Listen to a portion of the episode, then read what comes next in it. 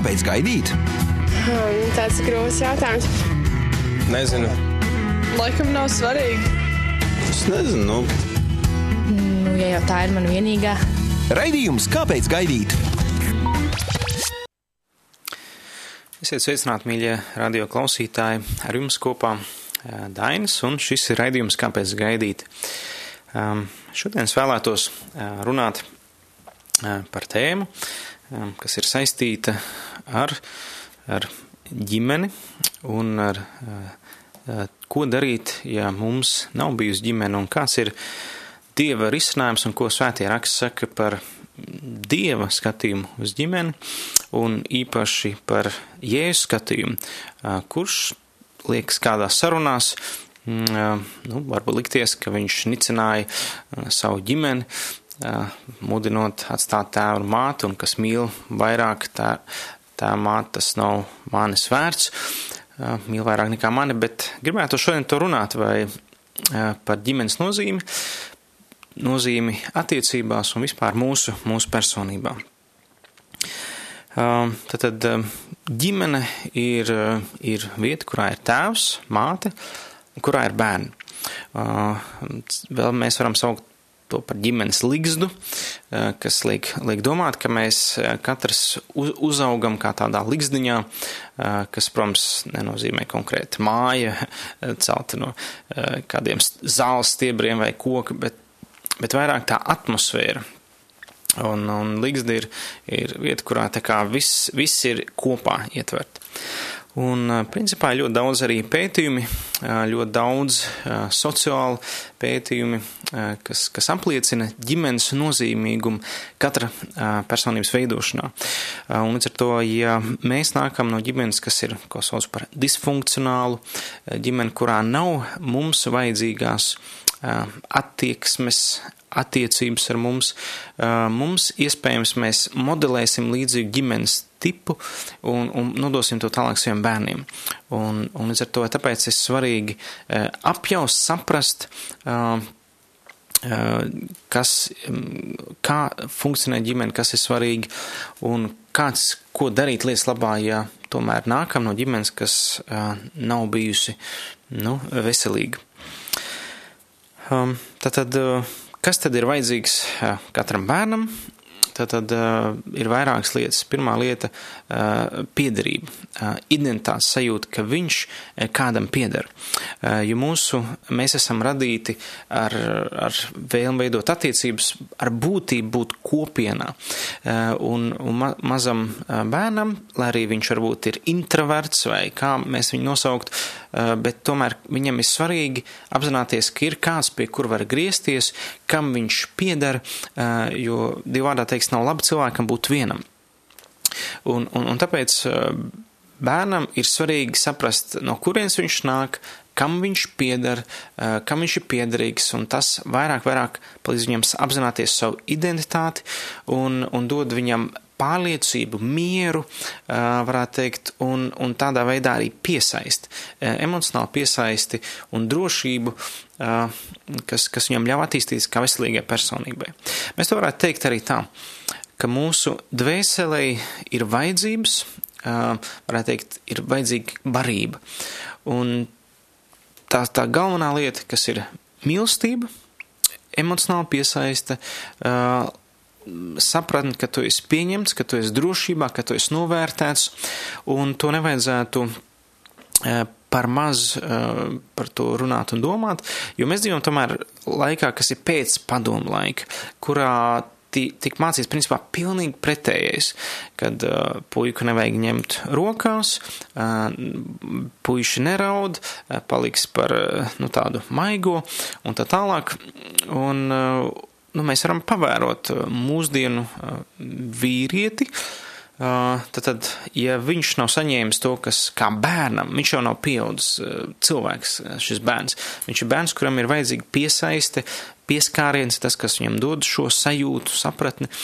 Un, un līdz ar to šādam bērnam veidojas veselīga psihe, jeb dvēsele, kur viņa prāts saprot, kas ir patiesība, kas ir tā realitāte, kur viņš atrodas, viņa sajūtas, sajūta, ka viņš ir piesaistē, ka viņš varbūt viņam ir kāds, kas par viņu interesējās, ir kāds, kuram viņš ir svarīgs, ir kāds, nu, kurš, kurš pievērš uzmanību tām lietām, kas vajadzīgs, un arī disciplinē, pastāst, kas ir labs, kas ir ļauns, kas ir, ko jādara, kas ne, un arī palīdz bērnam attīstīt viņu gribu, izvēli, norūdot, liekot kaut ko darot, uzticot uzdevums, nu, un tādā veidā veidojas veselīgs, veselīga personība. Un bieži vien attiecības, uh, kas ir veidojas ar otro pretojo pusīti, ir atkarīgs no tā, bieži vien, uh, un pāršanā, kāds bijis attiecības ģimenei. Kāds bija attiecības ar, ar saviem vecākiem? Ar pirmo sievieti manā dzīvē, jeb māti, un pirmo vīrieti savā dzīvē, jeb tēvu. Un tas iedod mūsos, jeb izveido mūsos raksturu. Tātad raksturs ir konkrēts domāšanas veids, attieksmes, reakcijas, uzvedības modeļi, kurš pēc tam tajā dzīvē nu, nedaudz mainās, slīpējās, bet ja neko nedara, tad viņš iet pa vienām sliedēm. Ja nav bijuši mīloši vecāki, tētis, mamma, ja nav bijis šī pieņemšana, ka tu vari atnākt mājās un, un pat tev priecājās, ka tas atnāc mājās, ka vispār priecājās, ka tu esi, Ehm, kad nav šī sajūta, ka, oh, reku, tas ir mūsējais un nosauc tev vārdā un dod mīļvārdiņu, kādu nosauc. Ja, ja iztrūks ir tas, vai iztrūks, teiksim, drošības sajūta, nekad nevar zināt, ko vecāki izdarīs, vai kad viņi būs mājās, vai, eh, vai nav zināms vispār, kas ir mans tēvs vai mamma, ir nedrošība, vai vecāki varbūt ir alkohola reibumā, ir vienā brīdī rīkojas tā, alkohola reibumā pilnīgi citādāk, ir hausa disfunkcija, rodas nedrošības, nepārliecinātība, bērnam rodas eh, bailes. Eh, tāpat arī, ja nenovērtējums, ja bērns jau no mazām dienām tiek eh, padarīts par neveiksmnieku kādā veidā. Bērns, teiksim, kaut ko uzzīmē, un viņam saka, nu, tu vari labāk, vai, vai tu, tu, tev jāizdara vēl labāk, un viņš nekad netiek sajūta, ka viņš ir izdarījis pietiekami labi. Ir tāda nepiepildījuma sajūta, un, un līdz ar to tas rada no, nenovērtējumu. Uh, sajūta, ka es neesmu vērtīgs, ka man nekas neizdodas, ka es esmu neveiksminieks, uh, kad visu laiku asas piezīmes vai pārmetumi vai tāda pat izsmiešana. Nu jā, nu tu tāds maz dumiķīts mums, tu mums esi tāds jaunākais vai, nu tu mums tāda apalīte sanākusies. Jā, šīs, tas veido bērnu identitāti identitāte un, un vārdam ir spēks, un šis vārds atnes informāciju, konk konkrētu informāciju, ko bērnam bērnu dvēseli sastopās, viņa dzird, tā viņa ietekmē, pārveido, mēs varētu teikt, ieprogrammē konkrēti izturēties pret sevi, izturēties pret citiem un rīkoties. Un ar to sekas šādai attieksmei ir, ir, ir nemiers, Ja, ja, ja bijis ļoti liela nedrošība, ļoti liels nemieris, ja nav piesaiste šādiem bērniem, ļoti grūti piesaistīties, um, izrast, rast piesaisti pie citiem cilvēkiem, respektīvi pieķerties savai sievai vai vīram, bērniem, ja ļoti grūti emocionāli, uh, teiksim, ja, teiksim, vīrietis nekad nav ņemts klēpī, viņš nezina, kas ir pieskārienu mīlestība, eh, visdrīzākais sieva paliks ar maz pieskārieniem vai arī bērni. Protams, viss var mainīties, tā ka viņš piedzīvo pats pieskārienu mīlestību, viņš sāk, nu, viņš sāk to praktizēt, veidot, bet patiesībā tam vajadzētu būt jau normāli, ka tas ir eh, ģimenē. Eh, cilvēks varbūt nepārliecināts, nevar izšķirties, pieņemt lēmumu, jā, nē, grūti. Un, un, protams, ir daudz cilvēku, kas, teiksim, ir domātāji, analītiķi, vienmēr, viņiem vienmēr būs grūti pieņemt lēmumu, bet, bet tie, kas nāk vēl no tās ģimenes, vēl grūtāk, ir vēl lielāks bailes un nedrošība. Varbūt ļoti liels kriticisms eh, pret citiem, eh, augsts standarti, tikpat augsts kā pret mani bija ģimenē, tik augsts man būs pret citiem ģimenē. Vai tāpat kā no manis daudz prasīja, tā es prasīšu no citiem. Tas vienkārši tiek ie, tāds modelis, domāšanas veids vienkārši ir iekodēts. Viņš ir jāatpazīst, jāskatās, ko Bībele saka, kā vajag rīkoties, un tad uh, nožēlot, lūgt piedošanu vecākiem, lūgt Dievam spēku un, un, un, un lai izdzīvot tā, kā ir vajadzīgs reaģēt uz lietām. Vēl viena reakcija var būt dumpošanās. Tad dumpis ir uh, pretoties augst, autoritātei. Tāda pretestība autoritātei. Padomu laikā tas ir principā masveida domāšanas veids. Tātad tur visi normāli cilvēki, teiksim tā, nu es normāli, bet, nu, tie, kas bija patriotiski nosņot, visi dumpojās iekšpusē. Un tad tas dumps lauzās vienā vai otrā veidā. Un līdz ar to, kad to ienes draudzē, tieši tas pats. Mēs ienesam grēcīgu domāšanas vai grēcīgu attieksmi, dumpošanos. Un ar to tas var ienākt laulībā. Jā, es vienkārši principu pēc nevienam neklausīšu. Un, un, un tad, tad, tad uh, vīrs neklausa dievam vai sieva neklausa vīram. Līdz ar to var rasties problēmas. Tas, protams, nav viennozīmīgi, katra situācija ir unikāla, bet tādos lielos vilcienos dumpis ir, ir pretreakcija par to, ka es neesmu pieņems, kāds esmu, man nenovērtē, man nesaprot, tāpēc es neklausīšu sevi, es darīšu pretēji, es darīšu pa savam. Ja? Varbūt otra reakcija - izolēšanās. Ā, nepiekrīt, labi, es eju Un, un bērns nav iemācījis risināt problēmu, izrunāt savu problēmu. Viņš ir brēcis, neviens nav atnācis. Ja viņš brēcis, tad viņam pasaka, ko tu par tādām muļķībām pinkšķi, un viņš vairs nerisina problēmas. Viņš iemācās tikt lietām galā viens, viņš izolējās, un, un tad, viņš, kā viņš tiek šo problēmu galā, tas ir kā dzīve pavada vienam caur narkotiskām, varbūt vielām, citam alkoholiskam, citam varbūt citas eh, kādas lietas, eh, kāds elgs un citiem, ja Dievs dod, viņš iemācās risināt eh, problēmas lūkšanā. Varbūt arī pārspīlēt uzmanības pievēršanu. Ir tādi personāži, kas uh, vienmēr grib izcelties, vienmēr grib parādīt savu un prasa, vai, vai man patīk, vai jums patīk, vai jums, vai kā mums liekas, man sanās, kā es izskatos. Visu laiku šis tāds pārspīlēts novērtējuma prasīšana, tā kā tāda nepārliecinība par sevi, kas nāk uh, nu, varbūt no tādiem dvēseles dziļumiem. Ja, bet, uh, bet nu, tā tad tas var būt arī no tā, ka ir vienkārši dvēselē pietrūkusi vajadzīgā barība. Un mēs vēlēsim runāsim, kāds ir izcinājums, ko tādam dvēselēm Dievs mums piedāvā. Tāpat arī atkarība vai līdzatkarība, ja, tātad, uh, kad cilvēks cenšas risināt savas lietas, un vai nu viņš kļūst atkarīgs, vai viņš kļūst līdzatkarīgs, teiksim, ir terorists tētis vai mamma, kontrolējoša, dusmīga, vienmēr mājās jābūt visam pedantiski, kārtīgam, tu nevar būt tas, kas tu esi, tev ir jāpāraido, tev ir jāpārģērb, tev ir jābūt visam perfekti, lai tev kāds mīlētu.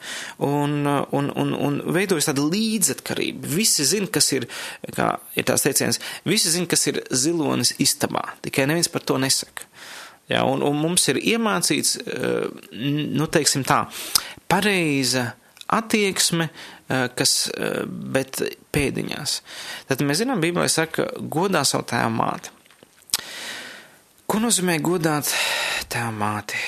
Tas nozīmē uh, neatkarīgi kādi viņi ir, neatkarīgi cik labi vai slikti, es, viņus, es par viņiem pateicos Dievam.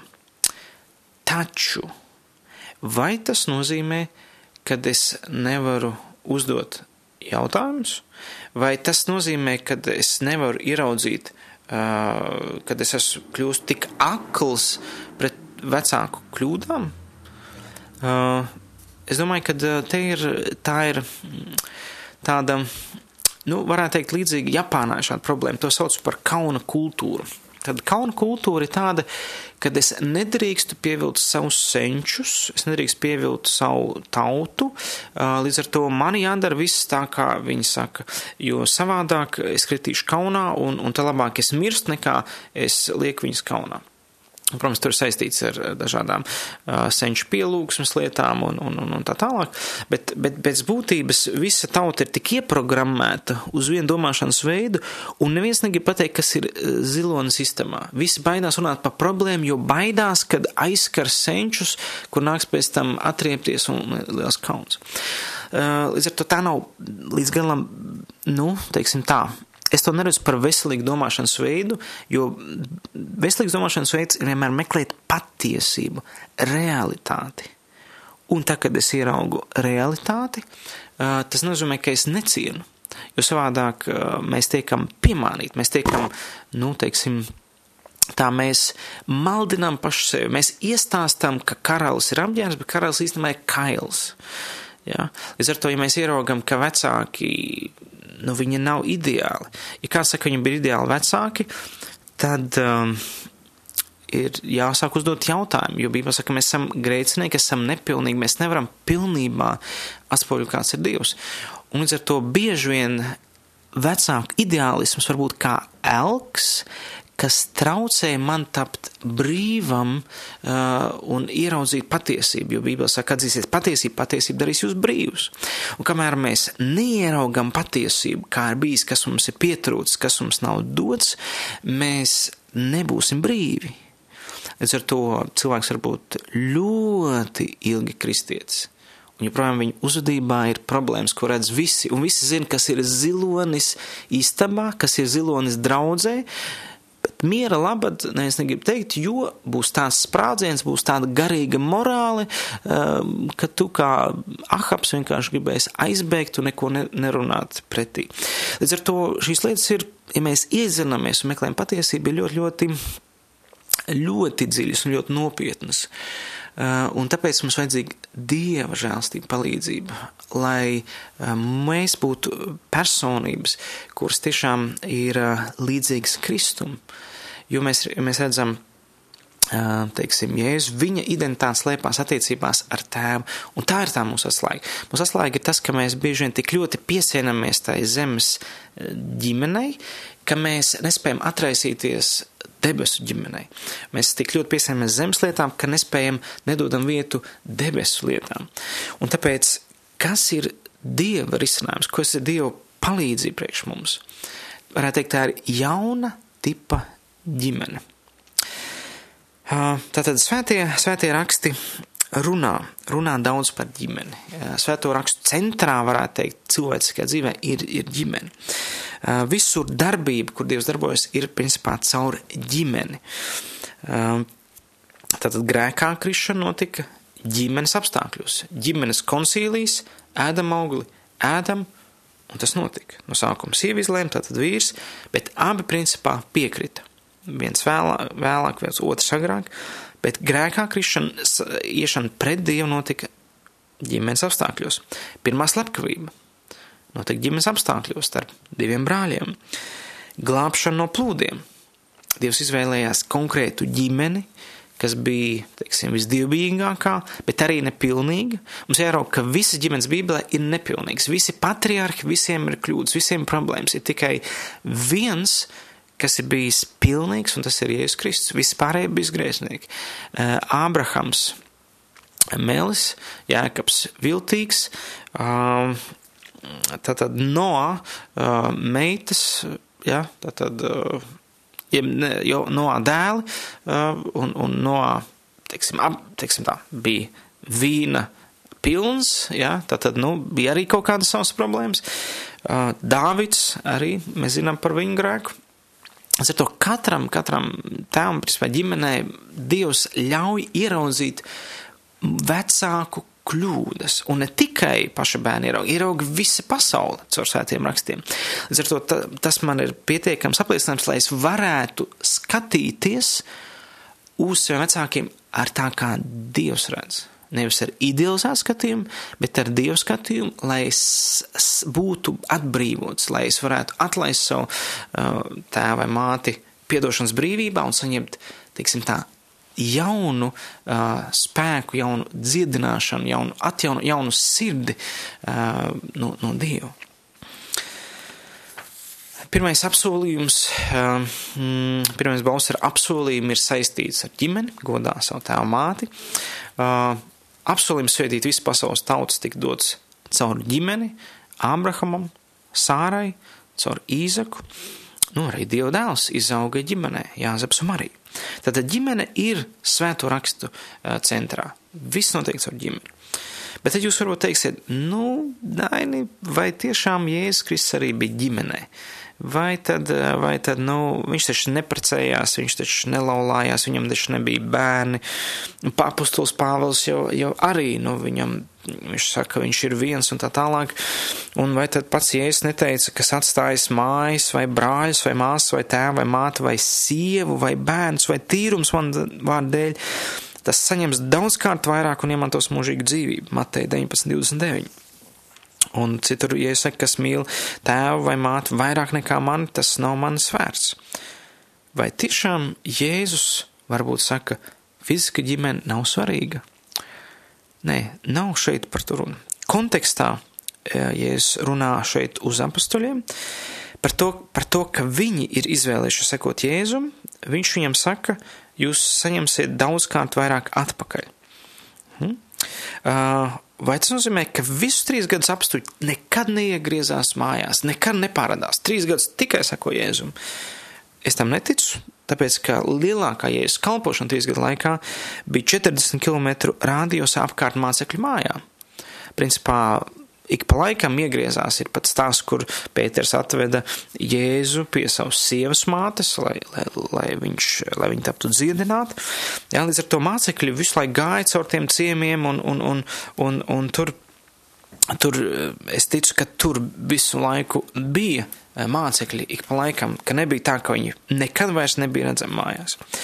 Um, vēlāk arī teikts, ka apstuļi savus sievas nebija pamatuši, bet viņām līdzi mm, gāja un kalpoja 1. korintiešiem 9.5.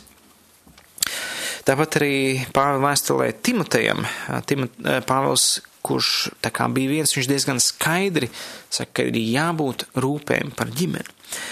Un varētu teikt, 1. Timotejam 5.8. viņš saka, bet ja kāds negādā par savējiem, tas domāts par saviem mainiekiem, un visvairāk par saviem mājas ļaudīm, tad viņš ir aizliedzis ticību un ļaunāks par neticīgu. Ja? Tad, tad, tad, tad, principā, es pēc Bībeles redzu prioritātes tādas. Pirmā vietā Dievs, otrā vietā ģimene, trešā vietā ir darbs un ceturtā vietā kalpošana. Tas ir mans skatījums, jo uh, Bībele saka, nevar būt draudz vadītājs, ja viņš nav ne, labi neuztur savu namu kārtībā, tātad savu ģimeni, tātad nevar kalpot, ja nav šī prioritāte sakārtot. Ja? Uh, Otrkārt, kāpēc darbs ir trešajā vietā? Tāpēc, ka, ja viņš nerūpējas par savu ģimeni, tad viņš nepild otrās prioritātes rūpes. Un ceturtais ir kalpošana. Un, ja kalpošana darbs sakrīt, teiksim, cilvēkam, kas kalpo Dievam un viņam par to uh, uztur dienu šo maizi, slavu Dievam, tad trešā un ceturtā sēd kopā. Principā mūsu prioritāte vajadzēja būt manas attiecības ar Dievu, manas attiecības ar ģimeni, darbs, kā ģimenes uzturēšanas veids, un tad ir kalpošana. Jo kalpošana nav tikai kaut ko darīt draudzē priekš Dieva.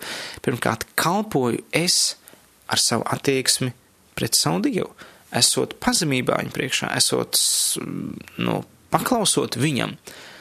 Tā ir kalpošana. Otrais kalpoja savā ģimenē. Tā arī ir kalpošana. Protams, darbs arī ir kalpošana. Tā ir, tā ir lielākā daļa, kur mēs pavadām savu dzīves laiku bieži vien. Ja vairāk bieži nekā ģimenē. Un, un, tad ir, tad ir, un tad ir kalpošana, kā varētu teikt, tīrā baznīcas kalpošana, kas saistīta ar kādām kalpošanām. Bet kalpošana jau ir iepriekšējās trijās arī. Līdz ar to Jēzus nedod mums pavēli atstāt uh, savu ģimeni. Viņš saka, uh, kad Un, un viņš, ko nozīmē, ka viņš, kas neienīst savu tēvu māti, nevar būt mans māceklis, uh, tur lietots vārds, kas nozīmē, kas uh, mīl uh, tēvu māti vairāk nekā mani. Tātad, un tā arī nav pareizi prioritāšu mīlestība. Tātad pirmā svarīgākā mīlestība ir uz Dievu, tad uz ģimeni un tā tālāk. Uh, un līdz ar to um, Jēzus nerunāja par to, ka jāstāj fiziska ģimene bet viņš deva jaunu skatījumu uz ģimeni, ko viņš pats veidoja. Un kas tā ir par šo jauno ģimeni? Tā ir ģimene, kuras centrā ir jābūt dievam un nevis cilvēkam. Uh, un, un līdz ar to, un, un uh, Jēzus arī runāja par to. Viņš minēja uh, Matei 12.47, kad, kad kāds viņu sacīja, redzi, tava māte un tava brāļi stāv ārā un meklē ar tevi runāt.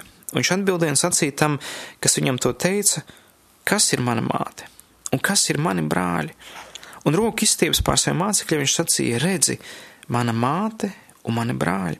Jo kas dara man debes tēva prāt, tas ir mans brālis, mana māsa un mana māte. Tātad viņš skaidri norāda prioritāti, ka viņa jaunā ģimene ir tā, kas dara debes tēva prātu. Tātad viņš runā par jaunu tipu ģimeni, ko mēs varam saukt par paplašināto ģimeni. Un ar to, ja tu nāc no vides, kur varētu teikt, nav ģimene un ģimeniska, Dievs saka, klau, ir jauna ģimene, kur es esmu veidojis, kurā es esmu tēvs. Un te ir runa par uh, draudzi. Te ir runa par jaunu garīgu uh, ģimeni šeit virs zemes. Uh, un mēs par to varam lasīt visu caur Bībeli. Piemēram, Efesiešiem 2.19 ir teikts, tagad jūs, tātad jūs tagad vairs neesat svešinieki un piedzīvotāji. Tas svešinieks piedzīvotājs ir tas, kurš, kurš nav ģimenē, kuram nav juridiskas tiesības kaut ko darīt šajā ģimenes sastāvā. Ja? Bet, bet jūs esat viens valsts pilsoņi ar svētiem un dieva saime. Dieva saime, dieva ģimene. Citur, citur arī minēts 1. Timotejam 3, 14, 15. To es rakstu tev cerādams drīz nāk pie tevis, bet ja es aizkavētos, lai tu zinātu, ka kā pienāks izturēties dieva namā, kas ir dzīvā dieva draudzes, patiesības balsts un pamats. Ļoti spēcīgi vārdi. Dieva nams, kas ir dzīvā dieva draudze, kas ir patiesības balsts un pamats. Draudze ir patiesības balsts un pamats. Tad Dievs uh, redz draudzē daudz vairāk bieži nekā mēs, jo mēs redzam draudzē ko? grēcinieki, liekuļi, biznesmeņi, uh, pelna naudu vai vienalga, visu kaut ko mēs redzam, nesvētī, grēcīgi un tā tālāk. Taču Dievs tā neredz, neskatās. Viņš neskatās uz to, kas ir acīm redzams, viņš skatās uz to, kā viņš ir paredzējis, kā viņš redz draudz. Ka, ir, ka tas ir Dieva nams, Dieva ģimene, Dieva saime. Un mums būtu ļoti svarīgi saprast, ko nozīmē Dieva saime. Ko, ko tas nozīmē? Tur lietos grieķu vārds oikos. Un oikos tā īsti latviešu valodā netulkojas, bet mums būtu jāzina konteksts, ko nozīmē šis oikos. Tātad oikos burtiski nozīmē mājasaimniecība. Tātad, kā tad Bībeles laikos, ja es laikos dzīvoju cilvēki, kāda izties šī mājasēmniecība? Mums, latviešiem, ir nu, tad arī bieži vien liekas, nu, tāda, tad, tad uh, nu, mums ir lauki, mums ir sēdes vai, vai žogi, un tad, tad mums ir tā kā, un mēs esam neatkarīgi kļuvuši no vecākiem un tā tālāk. Bet izrādās, ka tajā laikā uh, visekonomiskāk, visdrošāk un uh, bija dzīvot mājasaimniecībās, un, un uh, piemēram, uh, Kapernauma Es esmu bijis Kapernaumā, pats klātienē, un redzējis, ka tur ir palikuši vēl joprojām šīs pilsētas mājasēmniecības. Jeb, eh, tātad tas ir pagalms, kas norobežots ar žogu, kurā dzīvoja vairākas ģimenes. Un joprojām Jeruzālmē, arī vecajā Jeruzālmē, ir pagalmi, kurā dzīvo vairākas ģimenes kopā. Tātad, eh, un Pēter ir atklāts, ka Pēter māja, un, un, un visdrīzāk viņi te uzskata, ka Pēters ar Andreju dzīvoja kopā vienā mājasēmniecībā. Tas nozīmē, viņiem bija viena fiziska teritorija, viņiem bija tātad kopīgs pagalms, bet viņam bija katra, varētu teikt, tāda sava guļamistaba, sava daļiņa savai ģimenei. Bet, principā, viņam bija kopīgs bizness, jeb zvejniecība, ja, ar savu tēvu, ja, tāpat arī bija Cebedeja dēli, tātad Jānis un Jēkabs, viņi arī visdrīzāk dzīvoja tādā līdzīgā maisēmniecībā, jeb oikos, un līdz ar to viņi, viņiem viss bija kopīgs. Viņiem kopīgs finanses, ēdamais, drošība, ja, un, un dalīt, viss, viss, teiksim tā, viss bija uz sadalīts uz, uz daļām. Viss bija kopīgs. Un līdz ar to Tāpēc, un, un, un, un, un Jēzus lieto šo vārdu oikos, ja Bībele lieto šo vārdu oikos, šis dieva uh, nams. Uh, Tātad, uh, tur, kur Jēzus runā, ka mans nams ir lūkšanu nams, viņš arī lieto vārdu oikos. Tātad šī maisaimniecība, tātad draudze. Draudze nav tikai iešana uz baznīcu. Tas patiesībā ir paredzēta kā tāda kopīga ģimene, kurā viss ir kopīgs, kuras tēvs ir Dievs, kuras glābējs ir Jēzus Kristus un kuras vienotājs ir Svētais Gars. Tātad Dievs, tātad ģimene, kuras centrā ir Dievs. Tas nozīmē, ka pēc oriģinālā ģimenes būtības centrā ir jābūt Dievam. Līdz ar to Un cilvēki varētu teikt, nu, tad, ja ģimene problēma, nu, tad mēs organizēsim seminārus priekš ģimenēm un tā tālāk. Un, bet redziet, ja ģimenes centrā nebūs dieva, tā nebūs līdz galam tā ģimene, kāda ir paredzēta, sākot jau no ēdienas dārza. Visur Dievs ir paredzējis, ka Viņš ir starp cilvēkiem, ka Viņš ir ģimenes centrā, ka Viņš ir tas, kas palīdz vīram un sievai sastrīdējušies izlīgt, kurš dod gudrību tēvam, mātei audzināt bērnus, kas dod redzējumu, kur doties tālāk. Ar to nav paredzēta ģimene bez Dieva vadības un svētības. Tā vairs nav ģimene pēc oriģināla. Un līdz ar to, tāpēc, ja mēs īpaši nākam no neticīgas ģimenes, ja mēs īpaši nākam no vidas, kurā nav bijuši kristīgi vecāki, tad mums ir uh, ieliktas jau pašā iekšpusē daudzas teiksim, nepareizas domāšanas veidu un risinājumu. Teiksim, es 20 gadus principā arī dzīvoju necīgā ģimenē, kur es redzēju, kā risina lietas bez dieva. Un viņas jau neatrasinās daudz. Viņas neatrasinās, un, un, un man bija jāmācās, un joprojām es mācos, kā risināt problēmas lietas ar Dievu. Un, Un, un tas nenozīmē, ka kristīga ģimene arī tur visu iemāca. Arī tur, diemžēl, var būt vēl miesīga darbošanās, miesīga rīkošanās. Un līdz ar to dieva risinājums, palīdzība ikvienam cilvēkam, kurš nav dzīvojis mīlošā ģimenē, priekš dieva ir draudzi. Draudzi, kā viņa veidot ģimeni. Taču arī draudzi var veidot ne kā ģimeni. Viņu var veidot kā organizāciju, kā uh, plānu sasniegušu uzdevumi, mērķi, kas ir arī katrā ģimenē. Ir. Bet tomēr ir divas lietas, kas ir raksturīgas ģimenei.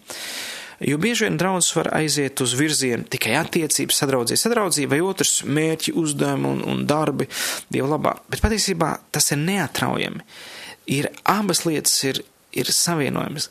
Attiecības ar Dievu, kas ir derība ar viņu, un tad ir uzdevums, kas ir atbildība Dievu priekšā par to, kā es dzīvošu šeit virs zemes. Uz ar to tas viss savalkās kopā, ka draudze ir paredzēta vieta, kur man, kam ir pietrūkusi varbūt kāda daļa no manas fiziskā ģimenēs dotā, ka es to varētu caur svētā gara palīdzību ar citiem brāļiem māsām iegūt. Un Bībele arī par to runā.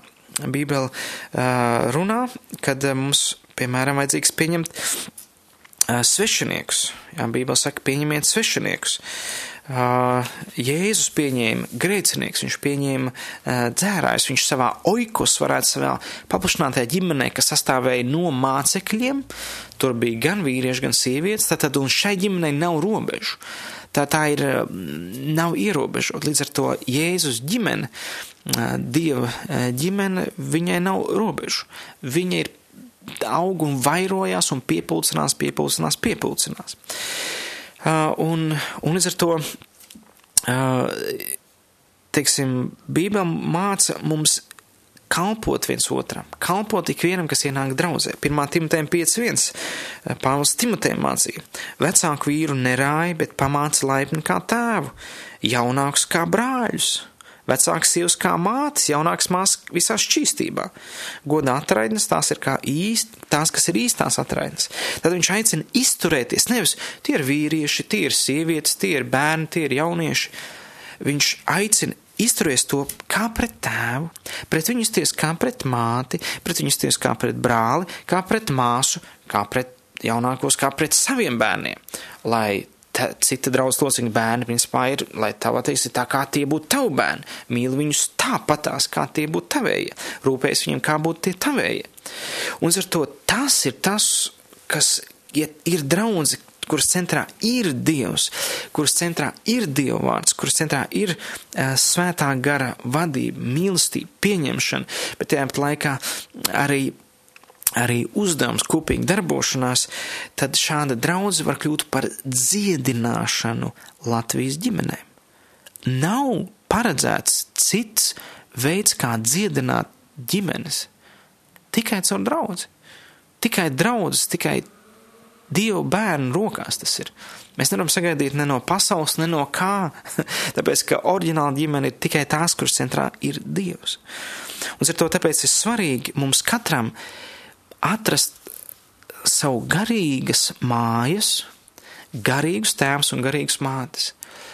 Nepilnīgus, bet tajās sfērās, kas mums ir trūcis, viņi var kalpot. Un tas nozīmē, ka nevis viens garīgs teica, bet iespējams daudzi, daudz garīgi tēvi, garīgas mātes, no kuriem es varu smelties caur svēto garu, atjaunošanu, piepildījumu, dziedināšanu, dot to, kas manai dvēselē ir pietrūcis.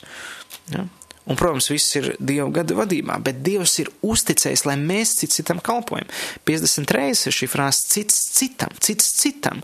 Un, un, un padomu laiku domāšana tāda, es pats varu, es pats, man neviena cita nevajag, man nevajag neviena palīdzība. Un tā ir problēma mūsdienu draudzēs, jo projām daudz pretojās šai domai, ka draudzēji ir jākalpo cits citam. Visi skrien pie mācītāja, lai viņš kalpo. Bet Bībelē tā nerunā. Bībelē runā cits citam, kā miesa, kas viena otru gan apkalpo, kā, kā viena vesela miesa. Un, uz, un es redzu, ka tas ir tas, uz ko ir, ir jāiet, kur ir vajadzīgs, kur ir kopiena atmosfēra, kas ir kā viena sirds un dvēsele. Bet, lai tas varētu būt, ir, ir, ir jāļaujas Dievam to atklāt, dziedināt un atjaunot. Un bieži vien ir vajadzīgs, lai mūs kāds svētī. Ir ļoti svarīgi, un tā būtu cita tēma par vecāku svētību. Ir daudz mēs izauguši, kur mūsu tēvi nav svētījuši. Mēs neesam, tā kā neesam, liekas, saņēmuši svētību. Um, tas nozīmē labvēlību, uh, atbalstu. Un, un ir labi, ka mēs varam bieži vien aizlūgt par tiem, kas ir draudzē svētīti. Un, un varbūt tu klausies šo raidījumu un tev daudz kas tiek pat ļoti sāpīgs uzjundīts, ļoti sāpīgs lietas, un tu ieraugi, tad ko man tālāk darīt? Pirmkārt, apzināties, ka tev tajā jaunā ģimenē ir jauns tēvs, un tas ir Dievs. Bet ir uh, daudz vecāku brāļu māsu, kas var tev aizstāt tev iztrūkstošās vecmāmiņas, vecētiņus, tēvus, mātes, brāļus, māsas. Ir bet, bet būs vajadzīgs bieži vien to pazemību, lai tu iet un ļautu Dievam tevi dziedināt caur citiem cilvēkiem. Jo mēs gribam bieži egoistiski pa vienam, pat taisno Dievs man dziedina. Jā, Dievs tā dara, bet ir reizes, kad Viņš grib, lai mēs ejam un lai cits par mani aizlūdz. Bībeli saka, izsūdziet cits citam savus grēkus, lai jūs taptu dziedināti. Tur lietos vārds atbrīvoti, atjaunoti, glābti.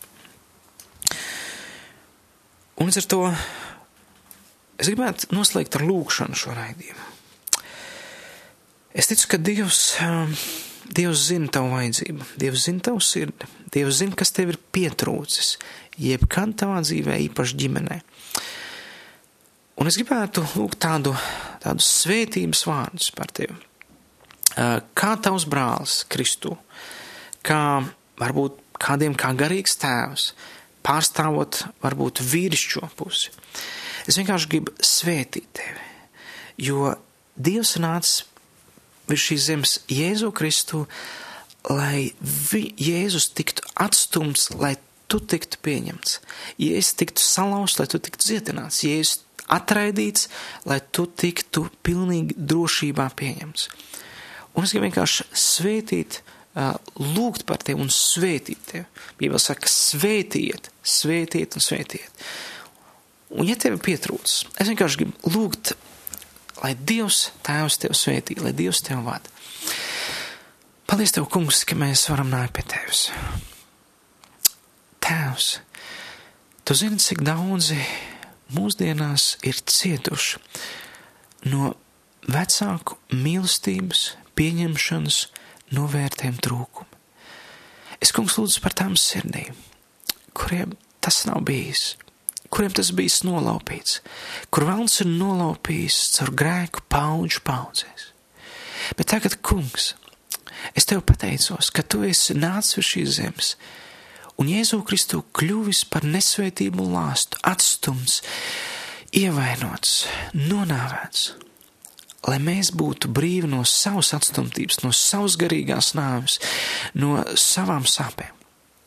Un tagad es, kungs, izvēlos un es lūdzu, ka tu svētī tēvs. Es pasludinu svētību.